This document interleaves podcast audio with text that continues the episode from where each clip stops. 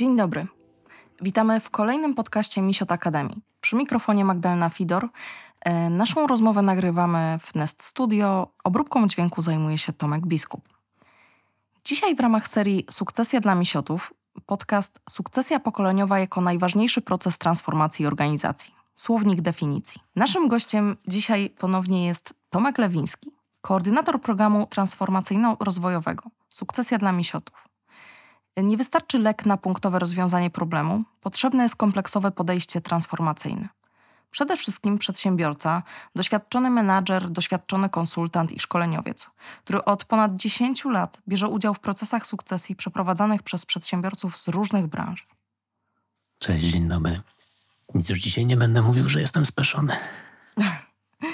W poprzednim podcaście e, przybliżyliśmy założenia programu transformacyjno-rozwojowego, który został opracowany specjalnie z myślą o małych i średnich operatorach telekomunikacyjnych i ma pomóc im w dobrze zaplanowanym, a następnie przeprowadzonym procesie sukcesji w swoich firmach. Dzisiaj w ramach serii Sukcesja dla Misiotów podcast Sukcesja pokoleniowa jako najważniejszy proces transformacji organizacji. To prawda, to nasz drugi z serii podcastów powinienem właściwie o jednej rzeczy jeszcze Państwa uprzedzić, Was uprzedzić. Powinienem to zrobić w poprzednim inauguracyjnym odcinku, więc pozwól Magdo, że zrobię Jasne. to teraz i małego, małe wtrącenie. Moi drodzy słuchacze, chcę umówić się z Wami na pewien dystans do treści, które będę Wam przekazywał. Chcę, byśmy pracowali w bardzo luźnej atmosferze, żeby był fan, i co najważniejsze, na końcu programu, żebyśmy byli skuteczni, efektywni i zakończyli program sukcesem. Ten podcast nagrywamy, przygotowuję kolejne materiały i zamierzam współpracować z Wami przez wiele, wiele miesięcy, po to, by namówić Was do nieodkładania tematyku sukcesji na dalszą przyszłość. Chcę Was zainspirować do tworzenia świetnych firm tu i teraz i o tym będzie w dzisiejszym podcaście. Jednak może zdarzyć się tak, że będę poruszał sprawy bardzo kontrowersyjne w czasie naszych zajęć, omawiał przykłady problemów, czasami patologii biznesowych, które mogą się okazać tożsame z Waszymi obserwacjami, a nawet z Waszymi doświadczeniami. Jeśli będę krytycznie odnosił się do niektórych z tych praktyk, do niektórych rozwiązań i zachowań, bardzo Was proszę, nie odbierajcie tego osobiście podchodźcie do tematu z dystansem i do tego, co mówię. Z góry proszę Was o wybaczenie, jeżeli, jeżeli ktoś poczuje się urażony, a co najmniej niezadowolony z tego, co ode mnie usłyszy, to będę wdzięczny, jeśli wykaże się zrozumieniem i wyrozumiałością. Wartościowe ostrzeżenie. Nie wiem, czy mogę przytoczyć tutaj powiedzenie, że dystans, dystans albo wszyscy umrzemy. Także dla części Tego słuchaczy. Nie znałem, bardzo dobre. Dla części e, słuchaczy sukcesja to temat, który kojarzy się bardzo, jako bardzo trudny, który dodatkowo w wielu przypadkach e, kończy się niepowodzeniem. Czym właściwie jest sukcesja pokoleniowa w firmach i skąd takie negatywne skojarzenia? Hmm, takie proste wydawałoby się pytanie, a odpowiedź jest bardzo skomplikowana. Po kolei. E, zacznę od może takiej krótkiej, zarazem bardzo uniwersalnej definicji. Sukcesję możemy zdefiniować jako wtąpienie następcy, sukcesora, ogół praw i obowiązków poprzednika, czyli nestora. Pewnie wszyscy słuchacze zastanawiają się teraz, no i co w tym krótkim zdaniu jest skomplikowanego.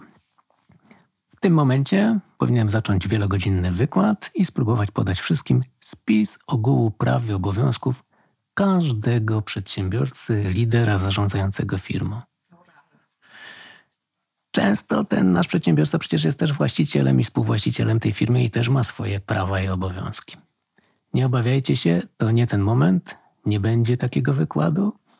Nie byłbym w stanie wszystkiego przewidzieć i znalazłyby się jeszcze specyficzne obowiązki prawa, które wynikają z indywidualnego przypadku. Tu podkreślę mocno i wyraźnie. Chodzi o to, że sukcesja to wielowątkowy proces. Proces, podkreślam proces, w którym wiele spraw będzie trzeba skoordynować uzyskać konsensus, czyli zgodę, że jest to optymalne dla tej organizacji, dla samego Nestora, dla sukcesora i dla wszystkich pozostałych zainteresowanych. Moje dotychczasowe doświadczenie i udział w wielu procesach sukcesji przeprowadzonych wśród przedsiębiorców nauczyły mnie, że pożądane efekty, że trwała i udana sukcesja pokoleniowa możliwa jest tylko wtedy, gdy zdecydujemy się przeprowadzić transformację całej organizacji, całego przedsiębiorstwa. Gdy uregulujemy i zadbamy o każdy z poniższych aspektów, a mianowicie po pierwsze wrócimy do kwestii wizji i strategii długoterminowej.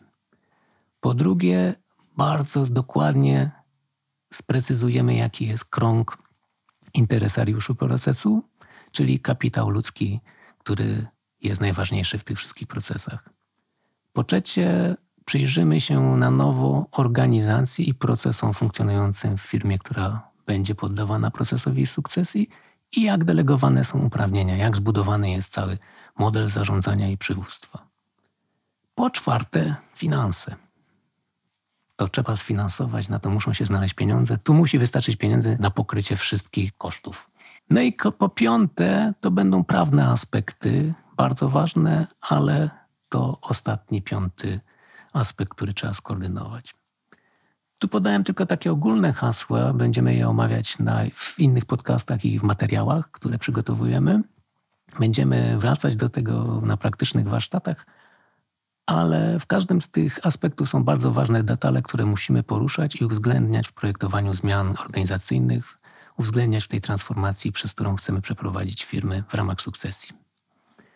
Mają one olbrzymi wpływ na jakość firmy i osiągane przez nią wyniki tu i teraz, a będą miały olbrzymi wpływ także na jej przyszłość. W tych pięciu aspektach pogrupowane są właśnie prawa i obowiązki naszego Nestora, czyli dotychczasowego litera, które dopiero razem tworzą ogół i które mają być przekazane sukcesorowi. Tu krótka dygresja. Niestety, często pod wpływem złych impulsów, bo nie chcę mówić, że pod wpływem kiepskich doradców, przedsiębiorcy regulują wybrane aspekty i wybrane zagadnienia i wierzą, że załatwili sprawę. No a tak właśnie nie jest. Mm, przykładowo to, co, z czym się najczęściej spotykam. Przedsiębiorcy myślą, że jak przekształcą formę prowadzonej działalności w miejsce jednoosobowej działalności gospodarczej, powołają spółkę prawa e, handlowego, spółkę kapitałową, to wszystko mają już z głowy, firma będzie trwała. No tak nie jest. Nawet jeśli dodatkowo spiszą jeszcze swoją ostatnią wolę w testamencie, to wciąż za mało. To są bardzo ważne rzeczy, bo nie chcę tych aspektów prawnych e, deprecjonować. E, super, że jest to zrobione, że zostało to zrobione, jeżeli miało uzasadnienie i zostało odpowiednio sformułowane, ale to wszystko za mało.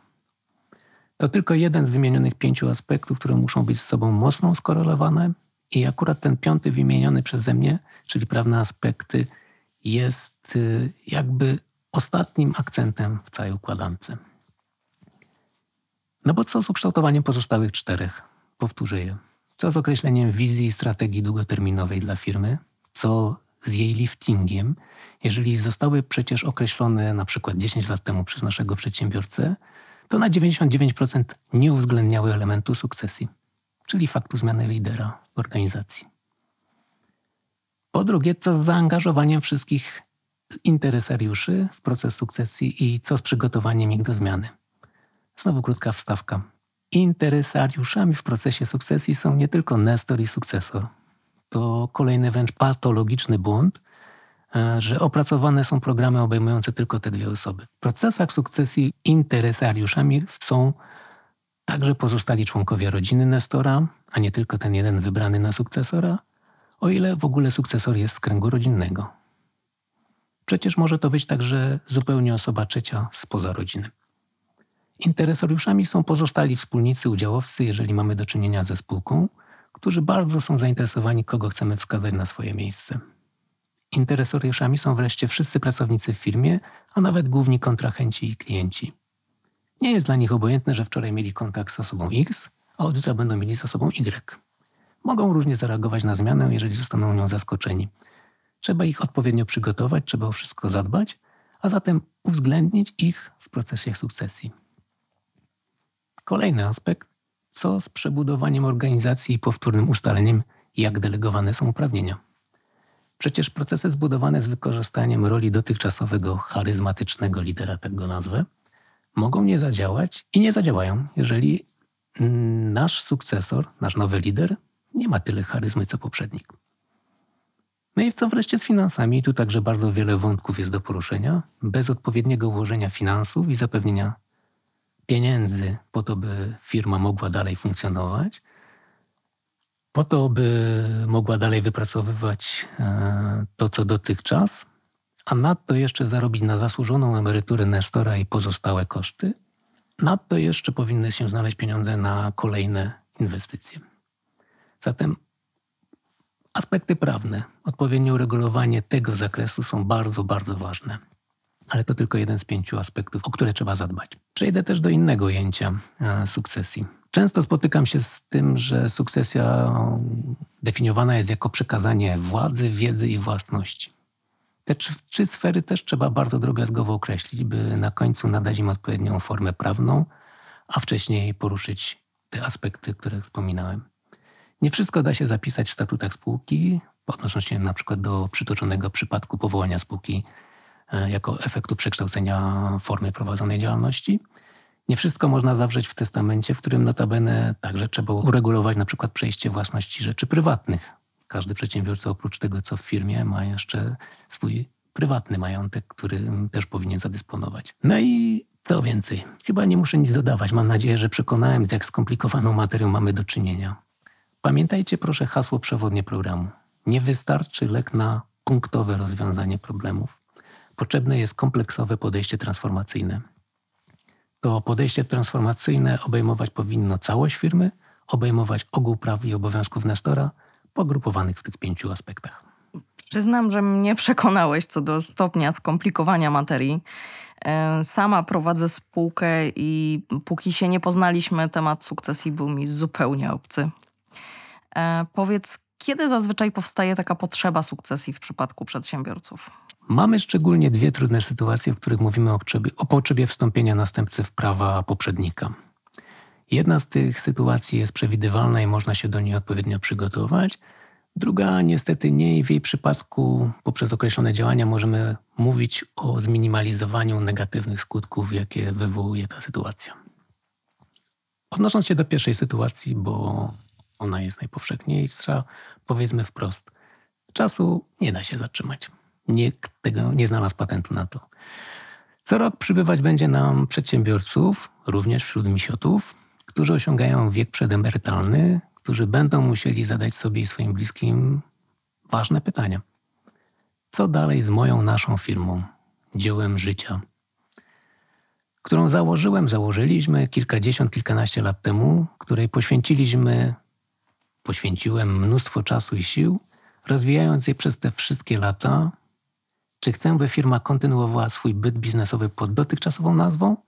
Zarządzana była przez zaufane, często bliskie osoby, sukcesorów i wciąż przynosiła dochody mnie i mojej rodzinie? W tym zarabiała właśnie na godną emeryturę? Pytania, co mnie czeka na emeryturze, jak zmieni się sytuacja mojej rodziny bliskiej, gdy osiągnę wiek emerytalny, czy mogę sobie pozwolić na odejście na emeryturę.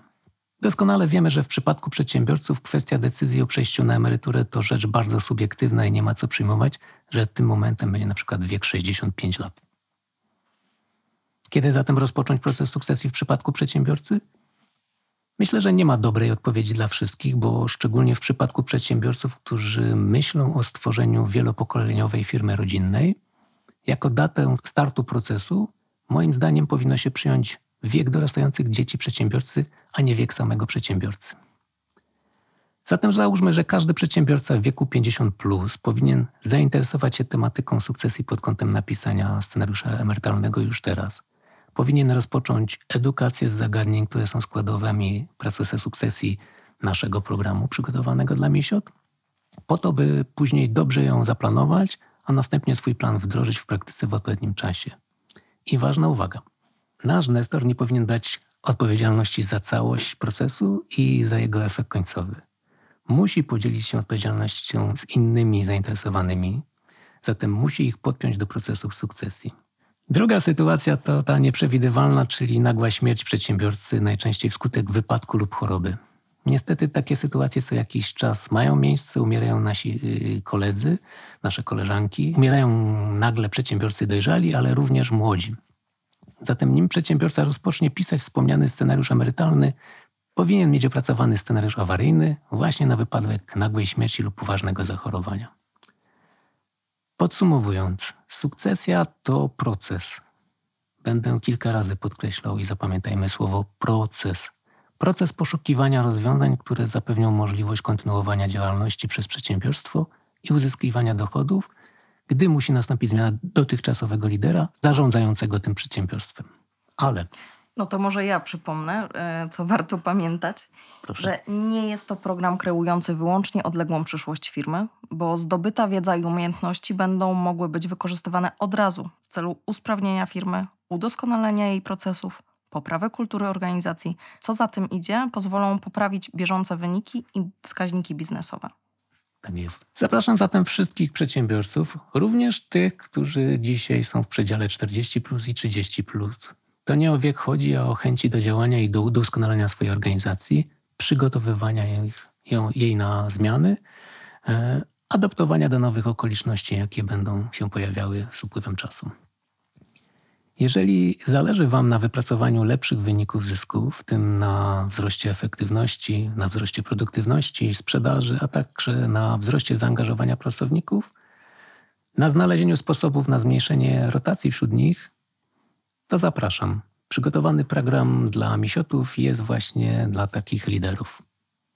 Jeżeli ponadto chcecie, by założona i prowadzona przez Was przez lata firma miała zapewnioną ciągłość działania, także wtedy, gdy nie będziecie mogli już jej przewodzić, to ten program również jest dla Was. Jesteś liderem, któremu zależy, by dzieło Twojego życia nie zniknęło z ręku tylko dlatego, że nadszedł nieunikniony moment – łatwy do przewidzenia, jakim jest konieczność zaniechania aktywności zawodowej, to ten program jest dla Ciebie. Zapraszam serdecznie. Usłyszałam podczas Twoich wypowiedzi i wynotowałam kilka sformułowań. E, nie wiem, czy na pewno dobrze je zrozumiałam, więc może powtórzmy, kto to są interesariusze. Może przybliżmy jeszcze raz, kto to jest Nestor, a kim jest sukcesor. Może zacznę od pojęcia terminu Nestor. Będę tutaj konsekwentny i użyję sformułowania to dotychczasowy lider zarządzający przedsiębiorstwem, który zamierza przekazać zarządzanie nim wytypowanemu następcy biznesowemu, czyli sukcesorowi. Robi to, bo chce, by jego firma trwała, a także dalej prowadziła dotychczasową działalność i rozwijała się. Zwróćmy uwagę, że w sukcesji przede wszystkim chodzi o przekazanie władzy, o przekazanie tego zarządzania. Historycznie też tak było, bo kto pamięta, to w monarchiach tylko dziecko zasiadające na tronie uznawane było za sukcesora, a jego zadaniem było rządzenie królestwem. Kwestie związane z własnością poszczególnych dóbr były oderwane od procesu sukcesji. Sukcesor nie stawał się właścicielem królestwa monarchii, obejmował rządy i związane z tym apanarze i uprawnienia. Więc w naszym przypadku również najważniejsze będzie przekazanie kwestii zarządzania. Wcześniej powiedziałem, że w innym ujęciu sukcesja to przekazanie władzy, wiedzy i własności. Doprecyzuję zatem i powtórzę, że w sukcesji przede wszystkim chodzi o przekazanie władzy, zarządzania. Przekazanie wiedzy, na przykład jak działa przedsiębiorstwo, jak, jak wypracowuje zyski, bez przekazania atrybutów władzy, czyli tych y, narzędzi do zarządzania, dla mnie staje się rozporządzeniem, które przedstawiało war przedstawia wartość tylko teoretyczną. Bez narzędzi wykonawczych najlepszy fachowiec nic nie zdziała zgodnie z planem. Jeszcze bardziej różnorodne i skomplikowane będą schematy, gdy przekazanie władzy i przekazanie własności trzeba rozbić, nie będą one szły w parze. Nie miejsce tu i czas, by zajmować się tymi szczegółami. Dodam tylko, że w przypadku spółek nestorów może być kilku, i to jak zaplanowane i skorelowane będą ich procesy sukcesji, jak dopasowani ze sobą będą ich sukcesorzy, będzie miało olbrzymi wpływ na sukces procesów. Tym, którzy byli w Wiśle na zjeździe miesiąc, przybliżałem przypadek TVN-u, gdzie po śmierci Jana Weicherta nastąpił tak duży kryzys w firmie, że również drugi wspólnik, Mariusz Walter, zmuszony został do sprzedaży swoich udziałów inwestorowi zagranicznemu. Oczywiście smaczków w tej historii było dużo więcej, a ja przybliżyłem ją w dużym skrócie – Wrócimy do analizy tego przypadku na warsztatach e, i w grupach skupiających wspólników spółek. Kolejne pojęcie, tak, to termin sukcesor. Tu również będę konsekwentny, użyję definicję to nowy lider, nowy następca biznesowy zarządzający przedsiębiorstwem, nowy menadżer, którego głównymi zadaniami będą zapewnienie trwania firmy i dowiezienie wyników na poziomie pozwalającym na zaspokojenie potrzeb wszystkich zainteresowanych, a także pozwalającym na rozwój firmy.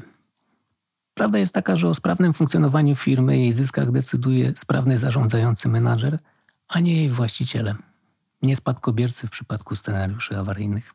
Najlepiej jak zarządzający menadżer zarazem jest właścicielem przedsiębiorstwa, a co najmniej większościowym współwłaścicielem przedsiębiorstwa. To może dużo spraw ułatwić.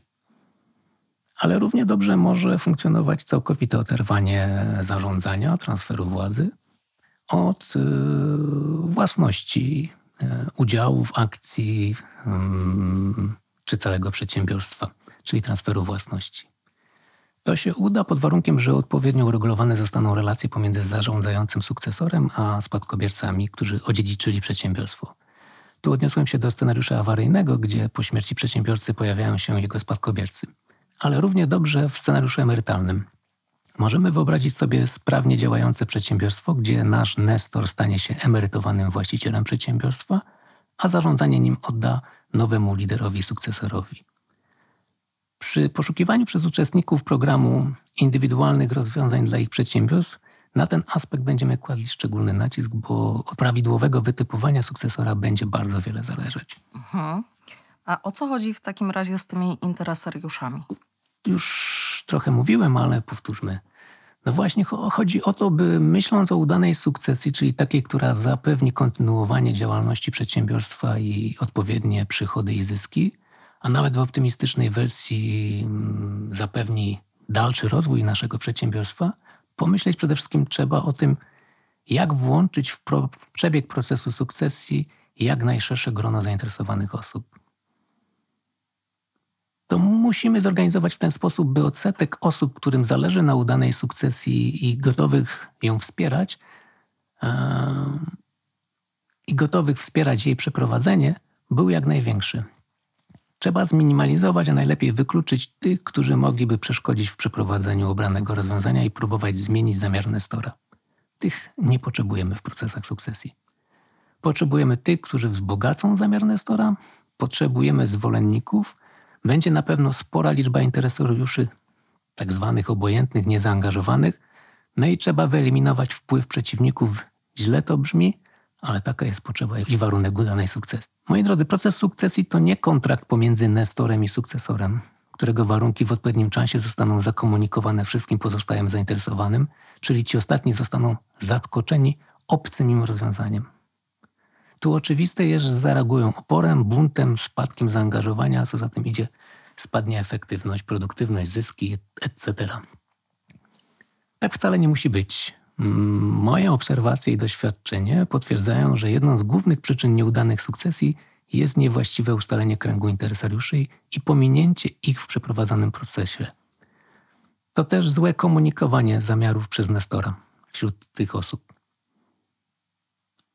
Oprócz tej oczywistej pary, według mnie interesariuszami w procesach sukcesji są po pierwsze, małżonkowie, partnerzy Nestora oraz pozostałe bliskie mu osoby, które liczą, że nie zostaną pominięte w ustaleniach. Po drugie, w przypadku spółek będą to wszyscy wspólnicy, a nawet osoby im bliskie i ich sukcesorzy. Po trzecie, to ważne w przedsiębiorstwie osoby, tak zwani liderzy, którzy dotychczas rozwijali z naszym Nestorem przedsiębiorstwo. Mają dzisiaj wpływ na jego funkcjonowanie i mają wpływ na jego funkcjonowanie dzisiaj i są bardzo zainteresowani przyszłością tego przedsiębiorstwa.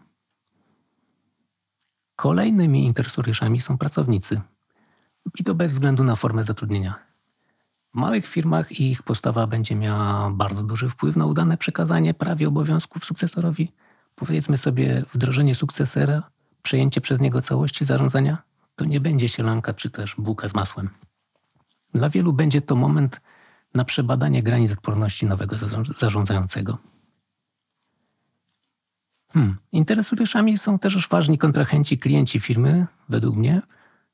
E, a nawet puszczę wodę fantazji. Do tego grona zaliczę jeszcze dwa specyficzne przypadki. Mianowicie podmioty, z którymi nasz Nestor myślał na przykład o konsolidacji. To akurat pierwszy pozytywny przypadek interesariuszy z zewnątrz. A na koniec do interesariuszy zaliczyłbym także największych konkurentów. Ten drugi przypadek to oczywisty negatywny interesariusz, który tylko czeka na moment słabości w naszej firmie. No i to, co wspominałem, ich wpływ trzeba wyeliminować z procesów sukcesji. Podsumowując, według mnie udana sukcesja pokoleniowa wymaga skupienia się przedsiębiorcy Nestora na stworzeniu kultury organizacyjnej, takiej kultury odpowiedzialności, i to tu i teraz w firmie, i na zaangażowaniu wszystkich interesariuszy w przeprowadzony proces transformacji. Możemy mieć wtedy pewność, że nawet w momencie wystąpienia tej kryzysowej, nieprzewidzianej sytuacji, zarówno sukcesor, jak również liderzy i pracownicy, a także pozostali wymienieni interesariusze, może z wyjątkiem tych negatywnych, zaangażują się we wspólne stawianie czoła przeciwnościom.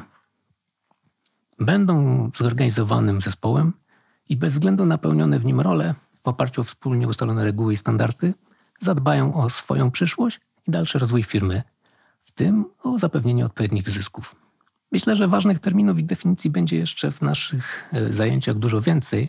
Pojawią się one w kolejnych odsłonach. Dzisiaj nie miejsce je przybliżać. Powiem tylko, że będziemy szukali też odpowiedzi na pytania, kim jest zarządca sukcesyjny, co wchodzi w skład przedsiębiorstwa, co to jest spadek, czym się różni termin sukcesja od terminu dziedziczenie lub co odróżnia sukcesora od spadkobiercy, co wyróżnia sukcesora wśród spadkobierców. Słyszę między wierszami, że będzie trzeba zająć się wszystkimi aspektami, które poruszane są na szkoleniach z tematyki wdrażania zmian w organizacjach. E, czym sukcesja odróżnia się od innych transformacji, czy też wdrażanych zmian organizacyjnych? Dlaczego jest najważniejszą transformacją w organizacji transformacją w firmie? Po pierwsze, w tej zmianie z góry wiadomo, że nastąpi zmiana lidera projektu. To dość specyficzny przypadek. Kto inny zaczyna projekt, jest inicjatorem procesu sukcesji, zawsze nim jest Nestor, dotychczasowy lider. Kto inny będzie go zamykał i podsumowywał, będzie to zawsze sukcesor, nowy lider. To rzadki przypadek, że planuje się od razu zmianę lidera projektu. Po drugie, trudno w procesach sukcesji zamknąć je szybko i ogłosić, odnieśliśmy sukces, przepisałem firmę na następcę. Wiele skutków ubocznych, tak zwanych przeze mnie gorszych decyzji, podjętych w czasie procesu sukcesji, niestety pojawia się po czasie, gdy nikt ich się nie spodziewa. Niestety rujnują cały wysiłek, bo zaniechania przy ustalaniu właściwego kręgu interesariuszy mogą spowodować e, te negatywne konsekwencje. Potrzebny jest konsensus. On nie może być iluzoryczny. Niby wszyscy zgodzili się na przyjęte rozwiązania, a jednak po czasie zmieniają zdanie. Dlatego w tych procesach bardzo ważne jest, żeby była zgoda. Po trzecie, to najważniejsza transformacja, bo proces jest wielowątkowy, co już wcześniej próbowałem udowodnić. Łatwo popełnić w nim błędy i łatwo coś zaniechać, czegoś nie dopatrzyć. Moim zdaniem to najważniejsza transformacja w organizacji, bo od jej jakości i pomyślności zależy przyszłość firmy. Znowu puszczę wodę fantazji, ale to, co teraz zostanie zrobione, może mieć wpływ na kolejne sukcesje pokoleniowe. Gdy za kilkadziesiąt lat nasz obecny wyselekcjonowany sukcesor będzie musiał wejść w rolę Nestora. Tak się stało między innymi z rodziną Porsche i Piechów, czyli największą firmą rodzinną w Europie, Volkswagen AG. Gdy dom ma silne fundamenty, to przetrwa setki lat, a w międzyczasie mury, dach, instalacje można w nim dowolnie zmieniać. I to cała tajemnica udanej sukcesji. Moim zdaniem nie ma trudnych sukcesji, są tylko te źle zaplanowane i źle przeprowadzone, w których Nestor zlekceważy skalę możliwych problemów, zlekceważy ważność tematu, nie zaangażuje się odpowiednio, nie przygotuje się do tego procesu, czasami za późno zacznie działać. Do tych zagadnień wrócimy w kolejnym podcaście i w pozostałych materiałach. Wydaje mi się, że na koniec potrzebny jest e, optymistyczny akcent. Proces sukcesji jest trudny, bo wielowątkowy, ale można go dobrze zaplanować i przeprowadzić. By na końcu powiedzieć, tak, odnieśliśmy sukces. Firma się rozwija, przynosi zyski, w tym odpowiednie dywidendy dla naszego emerytowanego Nestora. Firma rośnie, jej wskaźniki biznesowe są coraz lepsze dzięki uporządkowanej kulturze organizacyjnej, w której wszyscy wiedzą, dlaczego ta firma działa, dokąd zmierza i co chce osiągnąć. Wszyscy wiedzą, co należy do ich obowiązków i niczego nie muszą się domyślać. A to uporządkowanie to właśnie efekt wdrożenia projektu Sukcesja, na przykład w oparciu o wiedzę i umiejętności nabyte poprzez uczestnictwo w naszym programie transformacyjno-rozwojowym, który Państwu proponujemy. Oczywiście to efekt przede wszystkim odpowiedniego zaangażowania i wysiłku ze strony naszego Nestora, który wszystko zainicjuje, a następnie samodzielnie poprowadzi. W następnym odcinku em, poruszymy temat skąd tyle obaw? Kto mówi, że to nadzwyczaj trudne wyzwanie dla przedsiębiorców? Może przybliżysz nam, czym ten odcinek będzie się cechował? A no tak, to porozmawiamy właśnie i poszukamy odpowiedzi, skąd tyle obaw. Kto mówi, że to nadzwyczaj trudne wyzwanie dla przedsiębiorców. Porozmawiamy też o tym, kiedy sukcesja ma małe szanse powodzenia. Porozmawiamy o najczęstszych błędach w procesie sukcesji, ale przede wszystkim będę chciał porozmawiać albo przedstawić dobre praktyki, które są ważne w tym procesie sukcesji, po to, by na końcu powiedzieć, że tak, udało się. Myślę, że dzisiaj tyle. Do usłyszenia, cześć. To był odcinek drugi z serii podcastów Sukcesja dla Misiot. Cześć Tomku, Mm, dziękujemy znowu za mm, bardzo dużą dawkę wiedzy i widzimy się w kolejnym podcaście w Misiot Akademii. Słyszymy. Słyszymy.